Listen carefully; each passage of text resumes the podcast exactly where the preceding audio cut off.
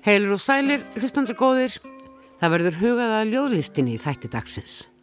Ljóðabóka útgáfa síðasta ás var mikil að vöxtum og mörg okkar bestu samtímaskáld sendu líka frá sér nýjar bækur.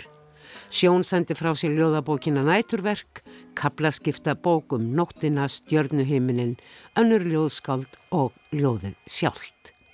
Sigurbjörg Þrastadóttir var á alþjóðlegu skónum í samtali þýðinga sinna á ljóðum skálda viðsvegarum heiminn og eigin frumortum í bókinni Krossljóð. Þá sendu Gerður Kristní og Linda Viljámsdóttir frá sér hvor sína bókina þar sem formæður eru í fyrirrúmi.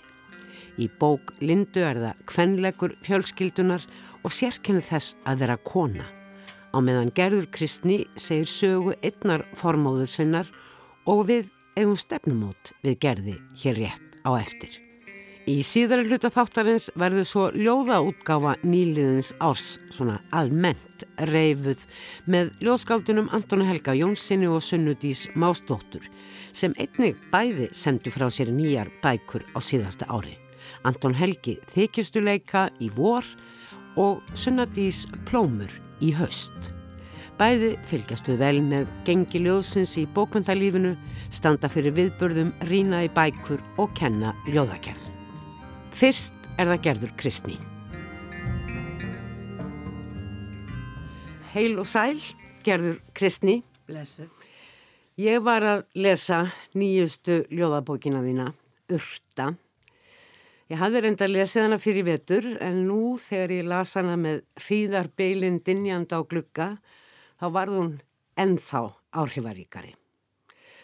Urta er ljóðabálkur sem segir sögu heillar-æfi eða kannski öllu heldur speiklar bálkurinn þessa æfi í nokkrum afar knöppum frásögnum.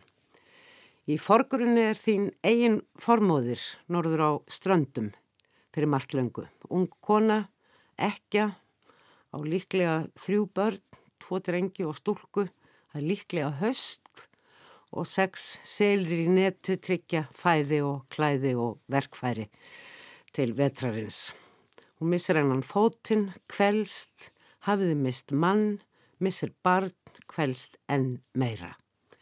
Var þessi saga ættmóðurðinnar búin að búa með þér lengi? Já, ég frétti af þessari konu bara frá annari frankur minni, saði mig frá því að við ættum þarna formóður Sigriði Jónsdóttur sem fættist 1845 og dó 1926 og hún hefði verið ljósmóðir og búið á Stórafjörðarhorni við Kollafjörðarströndum. Hún átti 19 börn alls. Nú, það er ekkert annað. Já. Þannig ég er nú ekki að telja þau öll 19 upp, takk fyrir. Þetta er kannski dæmigert fyrir þinn knappa stíl að draga svo litið saman. Heldur betur. Ég fór yfir Íslandingabók, henni tekstað eiga uh, þessi 19 börn, uh, byrjar tvítug og, og, og hættir 38 ára gömul og þá líka missur hún mannin sinn sama ár. Mm. Henni tekstað eiga tvö börn á sama árinu. En já, svo missur hún fótinn og einhver saði berglar, einhver saði krabba megin, en mamma sagði að hún hefði verið að mjölka og kýr hefði trafkað á fætinum áni og það hljóp illt í sári og það var það að taka hann af. Og þetta var bara það eina sem ég viss um hana. Og þetta dugar mann alveg í bálk. Mm. Það er mm. ágætt ofta að viti ekki of mikið og þá getur maður að byrjað að skálda. Og ég fekk inni í lítilli íbúð á Holmavík sumarið þá 2020 eftir að drepsóttin hafi numið hér land og ég las íslenska sjávarhætti allt sem ég gat um seli þar mm. strikað undir og þetta er bara eins og þegar maður yrkir um hesta eða skip, maður þarf að kunna tungumálið sumstaðar eru þeir með reyfa annar staðar eru þeir með brísla fyrir eftir því svona hvar á landinu mm. við erum stöð og þeir reysa gónu þegar þeir koma upp úr hafinu og kíkjaði kringum sig. Og svo náttúrulega bara talaði ég við ættinga mína þarna ströndum sam samskipti þeirra við þessa forvittnu skeppnur maður mm. á vist að fara neyri í fjöru og syngja svolítið, þá mæta þeir. Þeir eru voðalega forvittnir og frænka mín hafi prófað sjósund þarna með vinkunum sínum og þeir voru mættir til að gá hvaða verur þetta væri nú. Þú hefur skrifað all marga bálka um erfitt líf og lífslokk kvenna og yfir höfuð, þú ert feministi, þú mikið, spekulerar mikið í þessari sameiginlu tilvist kynjana og hvernig hún hefur eh, æslast. Já, en hérna er það kannski meira konan og, og, og náttúran. Já, já veður farið og mm. ég las dásamlega bók Ferðalega til fortíðar, Strandir 1918 sem doktor Dagrún Ósk Jónsdóttir, eh, þjóðfræðingur yttstýrði og hérna þar var til dæmis dagbók Níalsar Jónssonar á Gjögri, brot úr henni og ímsar greinar um líf fólks á ströndum 1918, þennan átaka vetur. Og aðtillisvert að sjá hvernig fólk klimti við náttúruna, mm. hvernig það, hvaða augum það leitt dýrin og veðurfarið og nágrannar sína og indislegt að komast í svona skruttur og mikið sem þetta fólk vandaði sig við skrifin þótt að það grunaði líkast til aldrei að þetta er þið gefið út á bók. Mm. og maður geti fengið að, að, að eh, lesa. Mikið fengur. Þú ert ljóðskáld hérna fáu orða.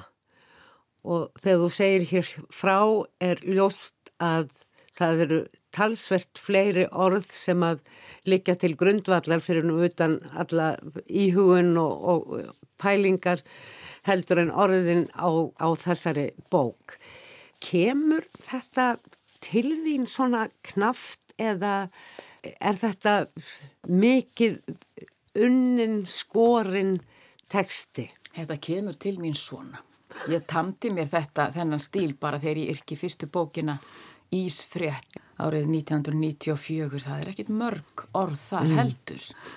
Já, þetta er bara minn stíl. Svo, svona verður þetta til. Og svo náttúrulega lesið yfir og, og enn aðtugað hva, hvað vantar inn í, hvort að ég sé ofknö, hvort þurfa bæt inn í eða, eða, eða taka enn en frekar út.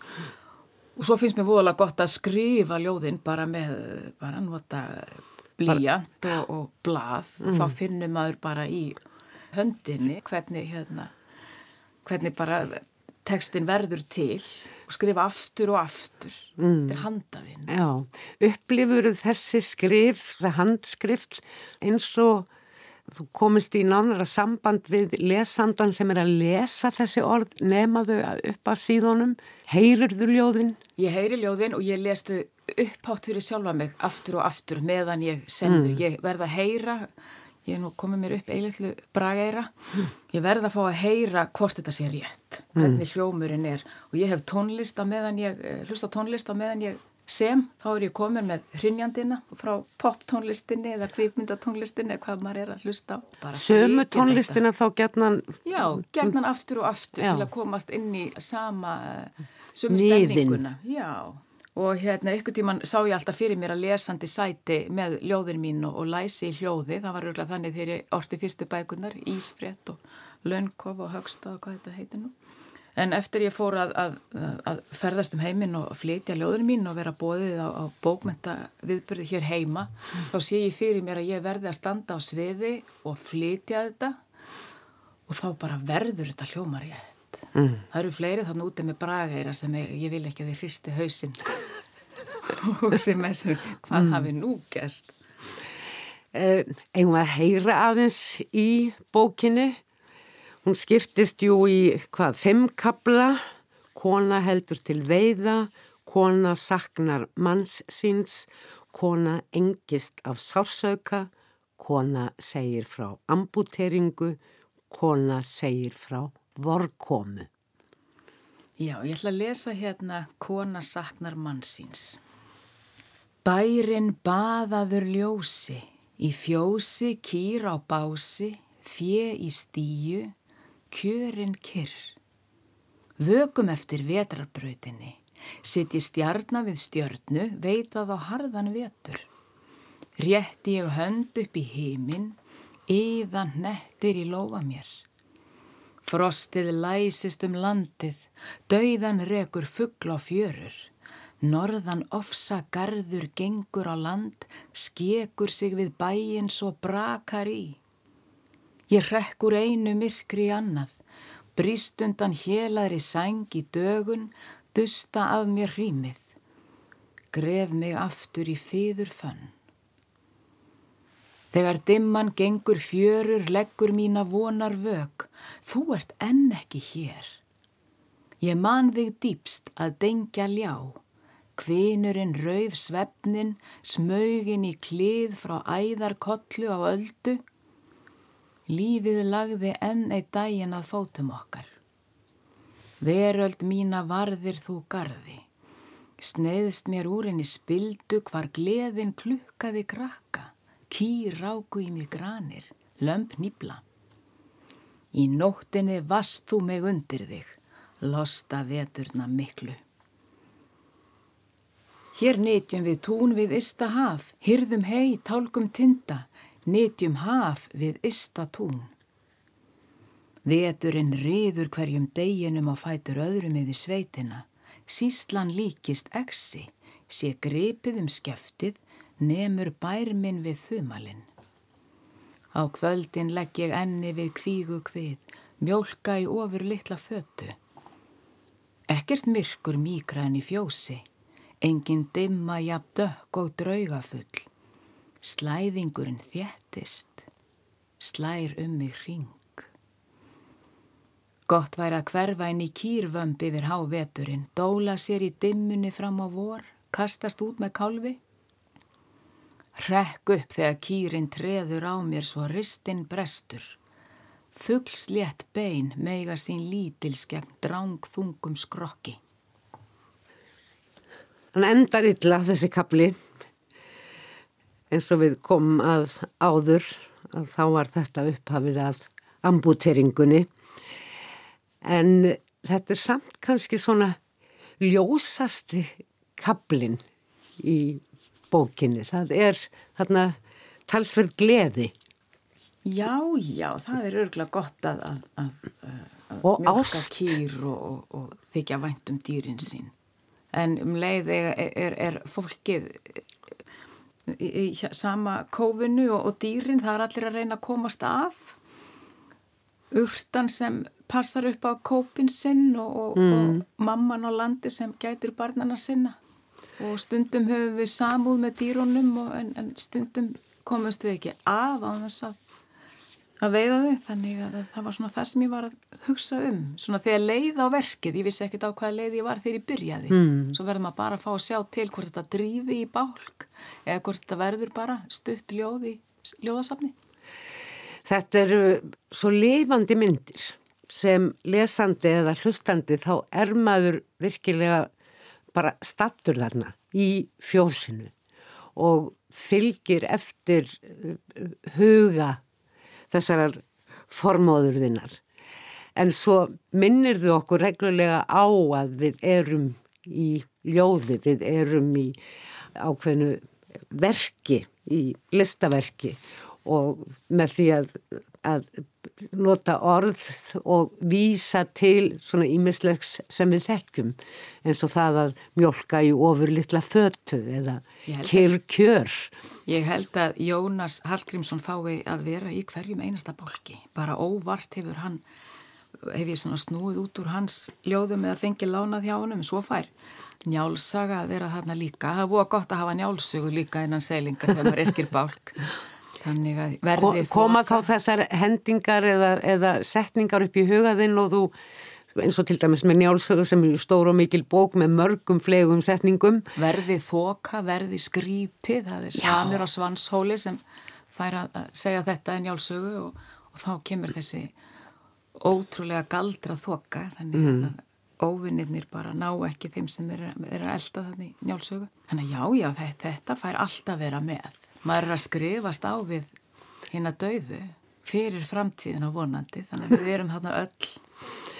Um, Ég sagði að þessar myndir væri svo ljóst lífandi Ertu sjálf stöld þarna þegar þú ert að yrkja á einhverju skeiði ljóðagerðarinnar?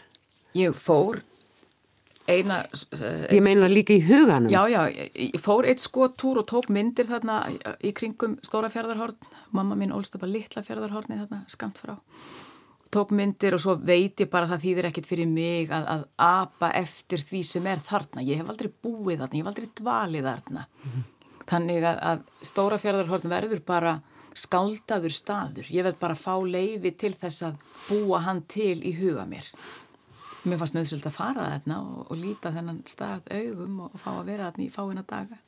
En svo er þarna mjög alvarleg læknis aðgerð.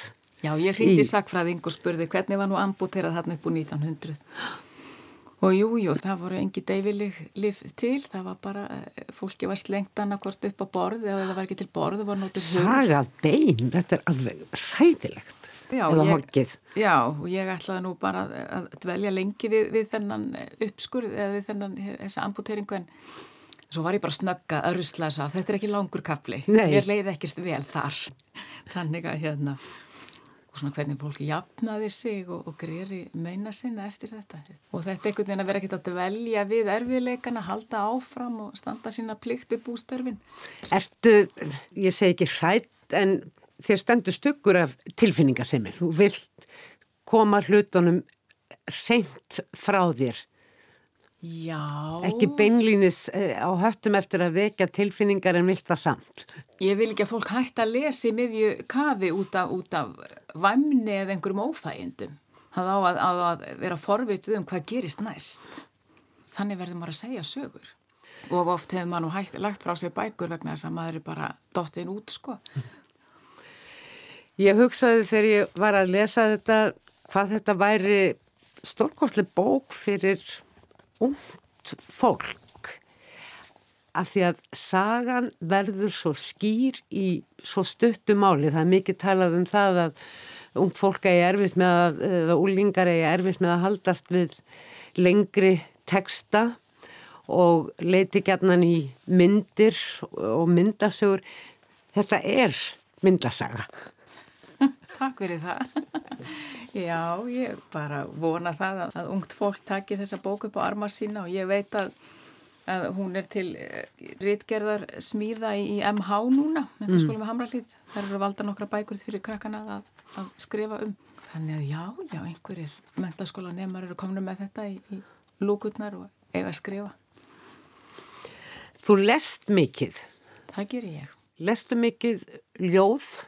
Fylgistu með Já. íslenskri ljóðlist, erlendri? Ég fylgist með alþjóðlegri og íslenskri ljóðlist. Maður sest náttúrulega niður með nýjar ljóðabækur og, og kynir sér þar hvað mm. verður að fjalla um mm. og það hóa mikið stuð í íslenskri ljóðagerð. Það er fjör og gróska. Þannig að það er bara, kemur að sjálfu sér svo hætti mér nú svolítið til að lesa sömu bækunar aftur og aftur og sömu ljóðskaldin. Er alltaf gott að grýpa í, í sitt fólk. Áttu þér uh, hjartansljóðskald? Já. Kanski fleiri neitt? Já, já, ég held upp á Vigdísi Grímsdóttur og, og Lindu Viljámsdóttur og, og Kristinu Ómarsdóttur og Vilborgu Dagbjörnsdóttur og Hanni Sigfússon og ettu hvaðin eru þarna alltaf? Alltaf einhverstaðar í seilingarfjarlæð. Já, já.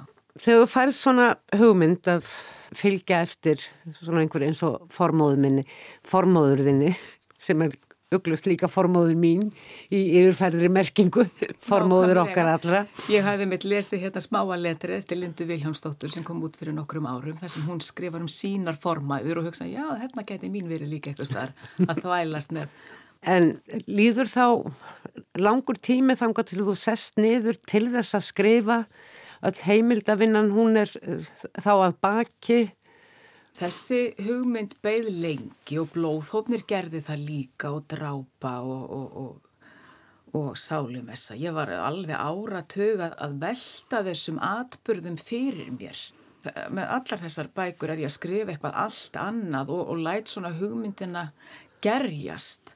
Þannig að þegar ég sé fram á bara að ég er búin með einhverja barnabækur eða skaldsugur, smásugur, eitthvað, eitthvað ljóðasapp og sestloksins niður, þá virkar þetta. Ég hef, er þá sest niður vegna þess að þetta, þetta hefur, ég hef drifið þessar hugmyndir áfram alla þessa leið og nú, nú komið að því, þetta verður að einhverju. Mm. Og ég veit líka, ég má alveg, það er allt í lægi að átta sig á því í miðju kafi að þetta verður kannski bara eh, einnar síðu ljóð í hefðbundu ljóðasafnin en þessir bálkar drifu í heila bók öruglega bara vegna þess að ég var búin að velta þessu fyrir mér þetta lengi. Þetta er tíundaljóðabókin þín og þetta er svona jöfnum höndum bálkar og, og ljóðasöfn. Og uh, til dæmis heimskaut og sálumessa koma út bara sitt hvort árið, annars vegar bálkur og hins vegar stögljóð þó þau svona hverfist um þetta heimskaut. Er, eru það þá ljóð sem að slá niður þér og, og, og leita útrásar? Já, bara stakar myndir sem ég, mér finnst ég þurfa að, að, að koma frá mér, já. Og svo ég, sapnast þetta saman já, og getur all... orðið bók eitt daginn. Já, ég er alltaf með þannig handrit í gangi líka. Og stundum er, er maður nú beðin um að yrkja um eitthvað. Ég var beðin um að yrkja um, um hvað, Háskóla Íslands og ég á ljóðum varskipið Óðinn. ég á ljóðum svona eitt og annað sem býður þess að komast á, á bók mér finnst búið mm. gaman að fá svona verkefni og, og eiga þá ljóð um eitthvað sem mér hefði aldrei dottið í hugum að yrkja sjálf en, en, en svona maður hættir ekkit að yrkja fyrir en þetta er bóðlegt og maður mm. getur staðið í fætuna fyrir framann heilan sal af, af starfsfólki háskólan til dæmis og fluttum óðum um, um háskólan mm. Þú lifir og hærist í í ljóðinu og ljóða, hvað ég að kalla það, ljóðlífið á Íslandi, það er bara nokkuð lifandi.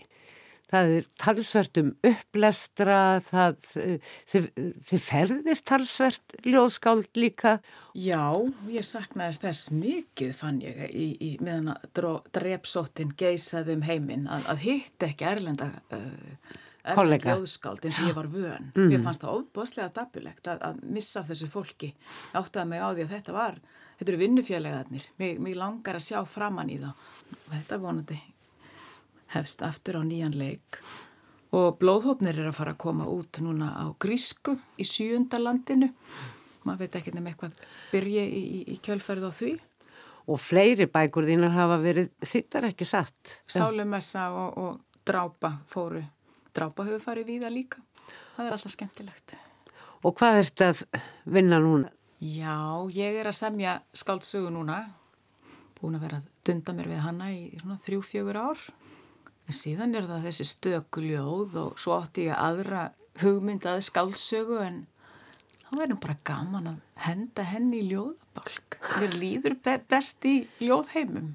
Þér líður best í ljóðheimum. Það eru fallið loka orð gerður Kristni. Takk fyrir. En mér langar samt að fá eilítið um sel, um Nóra. Kona segir frá vorkomu. Þegar líf vaknar í látri halda sinir mínir út á fjörurnar. Hrinda báti á flót, láta mig eina. Ströymar leika um loftið, dóttur mín mótast úr myrkrinu. Hún stendur við beðminn, reysir mig við, rösk og sterk, leggur fingur að vörum. Dökkar fléttur, rökkva undan hendi minni, rökkur í augum. Okkar er beðið. Tímin bráð sem lekur af þekju. Stelpan stingur mér stöðum í krika, hendist á undan út, svo ég má hafa mig alla við. Þúfur gæjast upp úr snjónum, Ísröngl marar í hafi, yður úr ókind. Ég fer lötur hægt sem ljósað vetri, stutt af stöfum. Læt fallast á fjörustein, næ andanum, sólinni sjálfri mér. Einfætt kona með engan mann, enga dóttur. Sá sem hlær á himni, sendi engil á undan mér. Baul ymur utan að fjörunum, urta engist á skeri með sköllóttan koll líkan mínum, slengir sér til eins og nætla að vinda sér úr verkja fjötrum. En mætast augu okkar, þau sömu og sátu í kópnum sem varð mér kjött, ljós, bestli, brók, augun lauguð bæn um hjálp. Gerðu Kristni, bestu þakkir.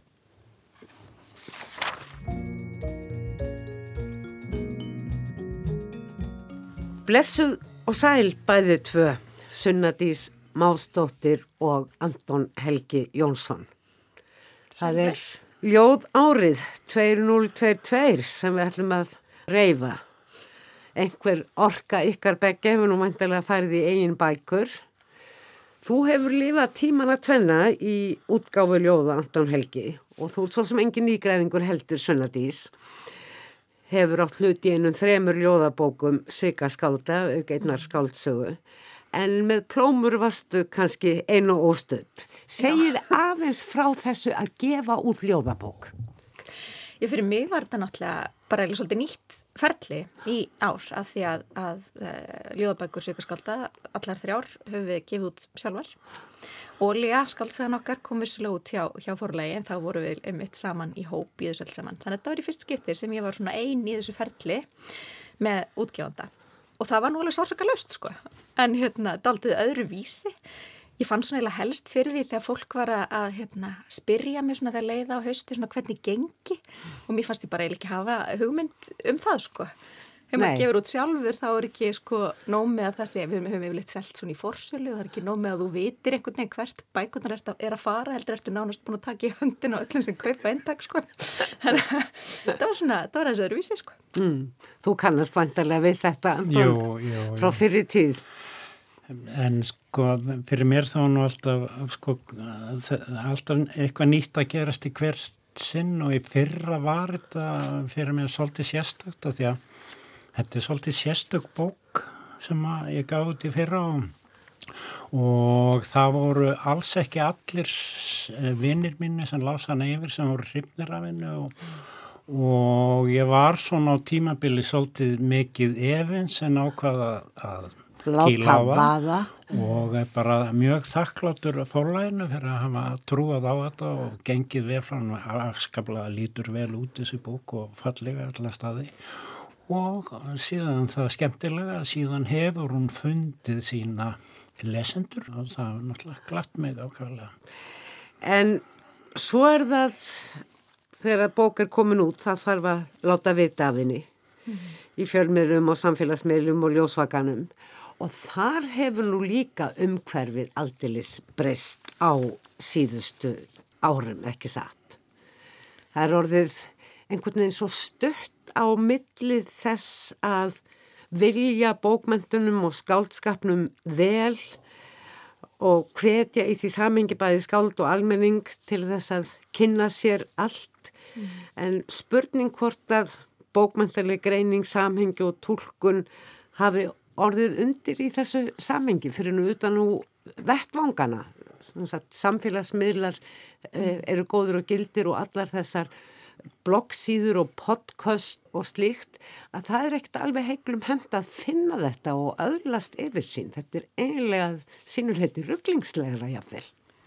Já, það má kannski alveg segja það. Þetta er, hérna við tölum rosa mikið mitt um að að það vanti meiri gaggrinni og ég held að við séum all, alveg til í að fá miklu meiri gaggrinni. En hún leynist samt alveg nokkuð við það en, en málið er kannski einmitt bara að það er ekki tægt að ganga aðinni á ákveðnum stað í, í blaðinu um helgar eða bara við vitum að hér er hann að finna heldur er þetta einmitt í podcastum og bloggfærslum og ég menna sumarfærslur á samfélagsmiðlum þar sem fólk er bara að skrifa frá eigin brjósti er bara eins og fínasti dómur er mm, uppbyggður. Fínasta greining. Já, fínasta greining. Já, það er ekkert að miðlunum sem slíkum, sko, en það er, það er kannski erfiðar að nálgast og finna þá alltaf ganga að þeim á vísum stöðum, Já, sko. Mm. En ég held nú að margir séu samála um það að, að sko, hlutvalslega miðar við hvað kom út margar bæku núna miðar við til dæmis 1970, mm -hmm. þá hefur gaggrinni með greinum sem fjalla um, um, um hérna, bækur á kritiskan háttið að gera, að taka það út á einhvern nátt þeim hefur fækkað mjög. Svo er bara svo margt annað í fréttum sko og ég ætla bara að rifja upp ennþá enn eina ferðina það að því ég var 19 ára þá gaf ég sjálfur út bók og það kom frétt hérna í ríkisjónvarpinu út er komin bókin undir regnbóka eftir Anton Helga Jónsson Akkurat og bara, það, svona gerðist þetta 1974 ja. núna getur verið mjög erfitt fyrir ungt skáti eða bara skáti við leitt að láta taka eftir sér það völ á svo mörgu öðru skemmtilegu sko. mm. Það er þessi sípilja sem við erum alltaf í einhvern veginn, það er erfitt að ná í gegn kannski Svo er þetta svo margt að hérna, við viljum viðtöl og við viljum umfjallanir og við viljum gaggrinni og við viljum hérna, við viljum vilja svo margt og fréttinar. En hins vegar fyrir ekki annað því að það er mikil þörf fyrir ljóð í samfélaginu og mikill áhugi mm -hmm. og maður tekur eftir því sko til dæmis að en þá er það svo leiðis að, að hérna ljóða upplæstarar eru ótrúlega vinsælir Það er ekki alltaf að koma 50 manns eða 100 manns og stundum bara 10 eða 5 en þeir eru margir og oft mikið um að vera. Og mikið af bókum, 52 listaðar í bókatíðundum. Tvöfalt fleiri á, á leiti held ég, maður já. flettir upp allir ljóða útgáfi. Útgáfi á síðasta ás, já. já, er það svo mikið með já. Og þá er spurning, þetta eru bæði yngri skáld og eldri og, mm -hmm. og reyndari og tölvert kannski fleiri yngri margir með bóknúmer tvö eins og Ragnarður Harpa, mm -hmm. Livsdóttir til dæmis og, og fleiri. Gaman að sjá þegar að eitthvað heldur áfram en var það eitthvað svona sem að þið tókuð sérstaklega eftir? Nýtt skáld sem þið uppgötuð á síðasta ári nýr tótn eitthvað umfjallunar efni meira áberandi en annað. Ég tók eftir að það var talsverta bókum sem að inni heldu einhvers konar uppgjör mm. í sambandi við einhverja ákveðna vekkferð í lífinu og oft áfall og aflefingar þess. Horfast svona í augu við lífið og sjálfan sig. Mér fannst lítið um náttúrúljóð en kannski meira en mig grunnar. Man er náttúrulega ekki að að skanna allt. Nei, ég er ekki búin að lesa allar þessar hundrað, mjög hundrað sem kom út sko, en á, svona, af því sem var mest ábyrrandi þá hérna, held ég að sjálfur rétt hjá þér. Og að það er kannski fjalli um, um einhverja vekkferð eða afmarkaðan tíma og kannski líka bara Þín bók gerir það til dæmis. Mín bók gerir það, sannarlega, já, og finnst það margar einmitt vera uh, rosalega svona heildstæð verk, þetta er einhvern veginn ekki ljóð sem að bara sapnast upp og er síðan komið saman í handrit og gefið út, heldur finnst mér rosalega oft vera svona mjög thematískar. Einhvers konar konsept, einhvers konar Já. tema. Ég tek undir þetta og ég venn að segja að hérna, einn sterkasta bók, síðan ljóðbók síðast árs, um, fellur í þennan flokk sem er bókinn Kona Spendir. Já. Eftir hérna Ragnæði Lárastóttur sem mm. að hérna virkaði á mig fyrst svona eins og skrítið að detta allt í henni árið 1970 eða eitthvað sko. Þetta er konubók. Já, mjög skýr. En ofsalega fersk og er svo mikill styrkur í ljóðmálinu og einhvern nátt þó hún sé að fjalla um til dæmis eins og bara hérna í kaplanum um allt káfið og, mm. og, og það út af málinu sjálfu þá verður hún aldrei þólandi vegna þess að má, með styrkurinn í málunum mm. það er eitthvað kvöndagslegt við orðfærið mm -hmm. og myndmálið en samt svo stert og uh, nákvæmt. Já. og mér finnst það svolítið enkenna kannski ljóðmál. Þetta er í hug bara verðluna ljóðið þitt Sunnadís mm. uh, á eftir, á eftir þegar þú ert búin að deyja. Já önnur bók sem er í þessum bókjan hann að Lindu Viljáms hum sérstaklega einn kapli það er hverstarslegt en hún leik svo ótrúlega nákvæmt sko. og hvernig hann tekst síðan einum kaplanum að segja svona hluta af uppvakstarsögu í gegnum fermingarskattólið svona látlust og lítið en óbúslega mikið einhvern veginn styrkur í öllu og náttúrulega saga sem kannski sérstaklega konur þekkja vel hvað mm. þetta svona hlutur sem að fyrir konar vissu aldurskiði skipti miklu máli sko. Já. Já og það voru fleiri svona uppgjörspækur en ég tók eftir náttúruljóðum sko, fín bók eftir hann Hjört Martens Jú, og svo náttúrulega bókin hennar Gerðar Kristnjál sem er náttúrulega bara um, náttúran sjálf einhvern veginn og verið að kljást við þann á tólkan og margvíslegan hátt. Þannig að kemur kona spendir aftur inn í Já, inn í, já, já. En, en Svo vil ég nefna eina bók eftir hana Kristrún og Guðmustóttir þar sem er sko eldgós sendirallt í bókinu. Hún notar eldgósi og Reykjanesi sem svona miðpunkt í uh, ljóðabólk, það, það er svona minningarljóð og um hérna ýmsar tilfinningar og, og bara það Hamfarir Já, já svona í sálarlífinu getum við mm. sagt og það er svo mer merkjalitt hérna á Íslandi að jarðhræringar, eldgós og náttúrana þessu leiti er ótrúlega lítið nótuð en mm. kemur þó fyrir í annari bók konu, Draumjar Aradóttur þar er að koma eldgós fyrir svona í tákarænum skilningi þar er annar kapli í þeirri bók sem er mjög merkileg svona náttúru stemning þar svona sagt var einhver gönguferði einhverju framandi landslega verður mm -hmm. á einhvern hátt svona landslega náttúra tilfinningana og svona óður til tjáningar þarvarinnar mm -hmm. svona sko Einmitt, það er önnur, önnur uppgjörsbók einmitt líka sko. Já, mjög. En einn náttúrubók sem ég finnst alveg einstök líka vegna sem hún höfðar sérstaklega til mig vegna þess að hún fjallar svo mikið um fuggla og það er bókin Spátumur fúlegsins eftir, eftir uh, Byrtu Ósmann Þóraldstóttir og það er mjög sérstök náttúru sín í mm. henni. Mm. Nú svo get ég nefnt hana Eirun og Ósk sem að gaf út bók sem að hún er búin að vera nokkuð yfir þetta er bara fjórða bókinu eða fymta eftir það ástarljóðakabli aftast í bókinu og þar hverfist einn svona mjög fallið náttúrljóð en líka eitt sem er svo sérstakti við þá bók miðkablin í bókinni það lítum allt inn upp til heimins og yrkir um eh, pláneturnar Venus, Júpiter, Mars og svona fantasía í kring og, það, og bara þetta að við bara að segja með þess að er að skaldi eru daldi mikið í naflanum sko, en að líta ekki nöpp til bara er ofsalega ferst að fá það En fyrir mér var þetta nefnilega svolítið mikið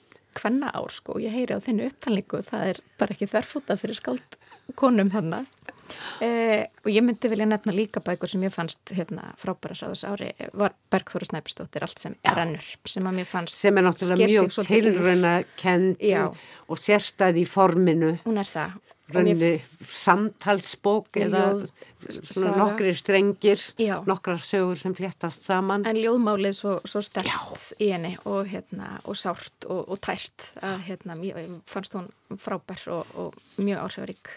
Og eins eins og þú nefndir upp hafi Ragnæður Harpa Lefstóttir, mm. uh, kollegi minn úr Sveikaskaldum sem að gefur út urðarflettu hjá önnu og er í prósa ljóðunum hérna. sem eru nú ekkert mjög fyrirferða mikið. Nei þau nefnilega eru það ekki og hérna mér fannst hún æðislega líka svo bók mm. og, og gaman að sjá hvað það form býður upp á uh, allt öðruvísi og spennandi möguleika. Já líka bara efnið í eini sko þessi nánt mm -hmm. hérna móður og bats í henni sem er rásalega mikill nefnleiki og svona, snertir við manni. Og náttúran allt í kring einhvern veginn og í því sambandi líka. En svona á því sem þið hafið nú sagt um þessar fjölmörgu bækur mm. þá er ljóst að rófið er mjög breytt og það er Já. mikil, eins og Anton sagði, mikil tjáningaþörf og þú hefur nú verið að halda námskeið Sunnadís í uh, reitlist mm -hmm. að, að skrifa, að tjá sig með, í, í skáldskap. Er ljóðið þar hvernig var það mikið tekið sem form? Sko, mér hefur fundist að hérna, þetta er svolítið svona ljóðið, það, það rata til sinna og það á sína svolítið. Þannig að þeir sem einhvern veginn eru ófeimnir við að skrifa ljóð eh, gera stórkostlegt efni oft sko. Mm. En mér hefur líka fundist að fólk sé stundum ansti eitthvað feimið og, og smegt við þetta. Það jafnir það til ég að prófa alls konar ruggl með mér, alls konar stíltilraunir og henda sér út í eitt og annað og, og svo þegar við einhvern veginn snúum okkur á ljóðinu þá getur allt svona blokkarast.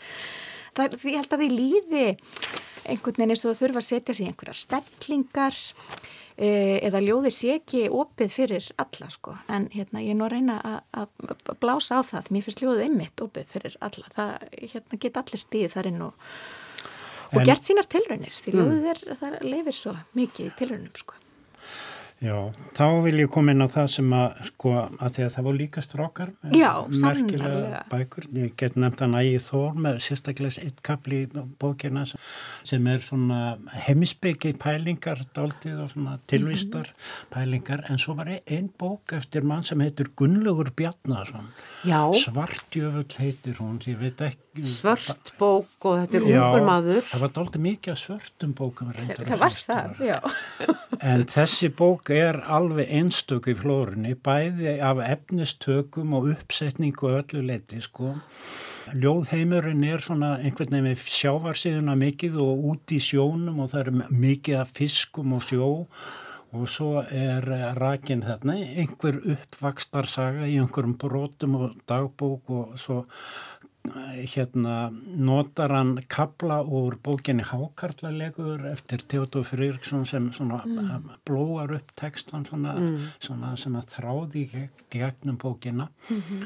og inn á milli koma ljóð sem að bara maður svitnar alveg yfir þau mm. eru bara einstökað öllu leiti í bara myndmáli og uppsetningu og fyrst og fremst að sko það sem að reymi við þetta er að bara hann fer algjörlega nýja leið sko, þetta er ekki bókin sem að skipti sér þrjákabla og þú veist, neinn saga eða neitt, hún er allnundi niðri en, en svona nýr og örvis Það þarf að uppgöta hana. Og, og það sem að er gaman að sjá finnst mér líka er að sko þeir höfundar sem að mörguleiti ég hrifst einna mest af í fyrir að hafa ofbúslega miklu stílvitund. Mm. Ardís Lóa Magnúsdóttir sem er alveg einstaklega flotta bók en bara textin og hvernig hún vinnur með textan gerir hana alveg einstaklega finnst mér. Og hún Elín Edda með sína bók sem hann hún er svo fund, fundvís á öðruvísi yrkisefni mm. og svo þar er fundagurinn í fyrirrúmi sannarlega. Mm -hmm. fluttningar, húsbúnaður sem er ekki algengt yrkisefni. Nei, mitt Já, það er mikil, mikil tjáningaþörf en líka mikil svona nýtt og, og gróskað þýlit. Og svo náttúrulega það sem við rætt nokkur sinnum hérna á árinu finnst mér en bara er, ég vil alltaf minnast á því mér finnst það svo mikið fagnaðrefni er þessi erlendu skálda sem já, ég finnst já. ótrúlegur fengur. Mikið fengur bæði fyrir já. ljóðið sem slíkt og, uh, og skálskapur en ekki síst fyrir tungumálið. Því að þau nálgast tungumálið íslenskuna með svo ferskum hætti. Mm -hmm. Leita nýra merkinga í gömlum orðum og búa til ný orð yfir gamla, yfir ímsa merkingu. Já, ég tek undir það og það náttúrulega hefur verið sagt en í gamla daga sko að það var ekki bara Beckett sem sagði það einhver að því að hann fóð nú að skrifa öðru tungumáli að skáld eiga alltaf að sko líta á tungumálið eins og útlendingar. Akkurat. Og það getum við lært af, af þessum skáldum. Já, ég held að, að íslensku skáldin geti bætt við sér lendum þarna. Já, ég að það hefa áhrif. Í, í tengslu með þetta samtal. Akkurat. Heyrðu, mér finnst við nú bara að hafa líst hér mikill grósku og gleði ljóðsins á Íslandi 2022. Þakk ykkur innilega fyrir. Gaman að vera með ykkur Já. og ljóðið fljúi. Takk fyrir samverðuna. Fleiri verða orðum bækur ekki að þessu sinni. Tæknimaður þáttarins var Markus Hjaltarsson. Takk fyrir að hlusta. Verði sæl.